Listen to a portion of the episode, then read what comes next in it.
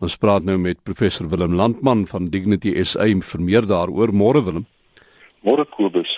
Die jongste inligting oor om sy dood, dragende sy dood? Kobus nie veel meer as wat jy gesê het nie. Hy is beslis oorlede. Uh, ons inligting is dat dit net kort voor die hofbevel was. Maar uh teen daardie tyd was die regspanne reeds in die kamers van die regter uh, waar hulle gekonsulteer het. So nie een van die uh, partye uh het geweet uh dat hy reeds oorlede is toe die uh, regter die hof binne gaan om die weet om se bevel te gee nie.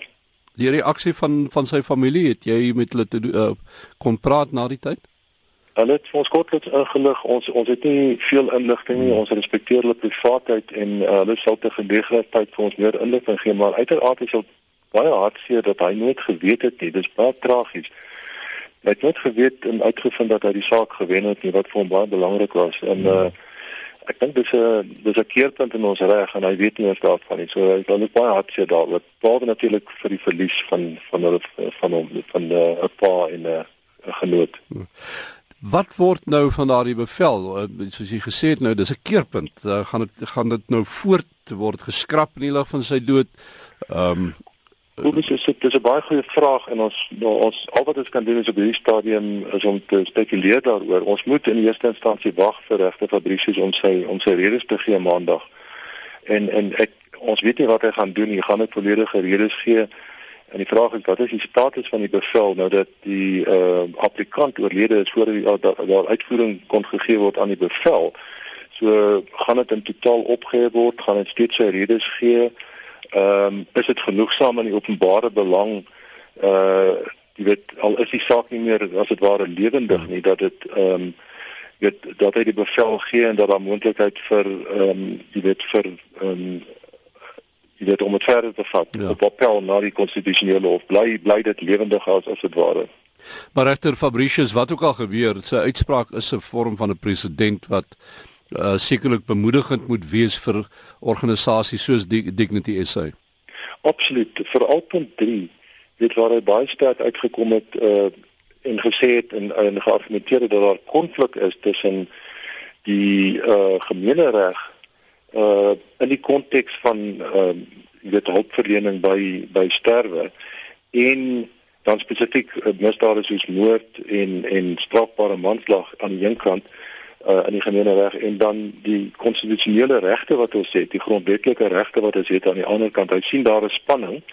En en jy weet dit is 'n spanning wat al baie lank daar is. Uh, 40 jaar gelede in die Hartman saak het mm. regte van Winsin vir Dr. Hartman skuldig gevind daaraan dat hy sy pa help sterwe het en hy moes hom skuldig bevind as gevolg van die gemeenereg in terme van die gemeenereg maar hy het hom gefonnis tot 1 jaar en die vonnis is opgehef totdat hy die hof verlaat het, totdat die regter die hof verlaat het. So toe toe die regter reeds 'n spanning gevind tussen die gemeenereg en en basiese uh, waardes wat ons toe sedert dien in die grondwet verskans het.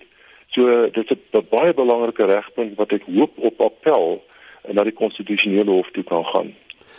Want ons sit nou ook met die regering se reaksie nê nee, op die uitspraak uh, die minister van gesondheid uh, Arnold Motsoaledi uh wat aan, reeds aangedui dat hulle enige teens uh, uitspraak ten gunste van julle betoog uh gaan teestaan. Ehm um, en uh en ek ek sien die minister noem nou enkele redes hier. Hy sê ehm um, eerstens dat uh, die reg tot lewe vorm die basis van die grondwet. Hy noem tweedens dat dokters opgelei word om alles in hulle mag te doen om lewe te bewaar en te red. Ja. En die laaste rede uh, is dat geen dokter die tyd of dag van iemand se dood akkuraat kan bepaal nie want net God kan daardie bepaling maak. So daar's as daar gaan baie mense wees met 'n redelike groot emosionele uh, reaksie op hierdie tipe uitspraak ook seker.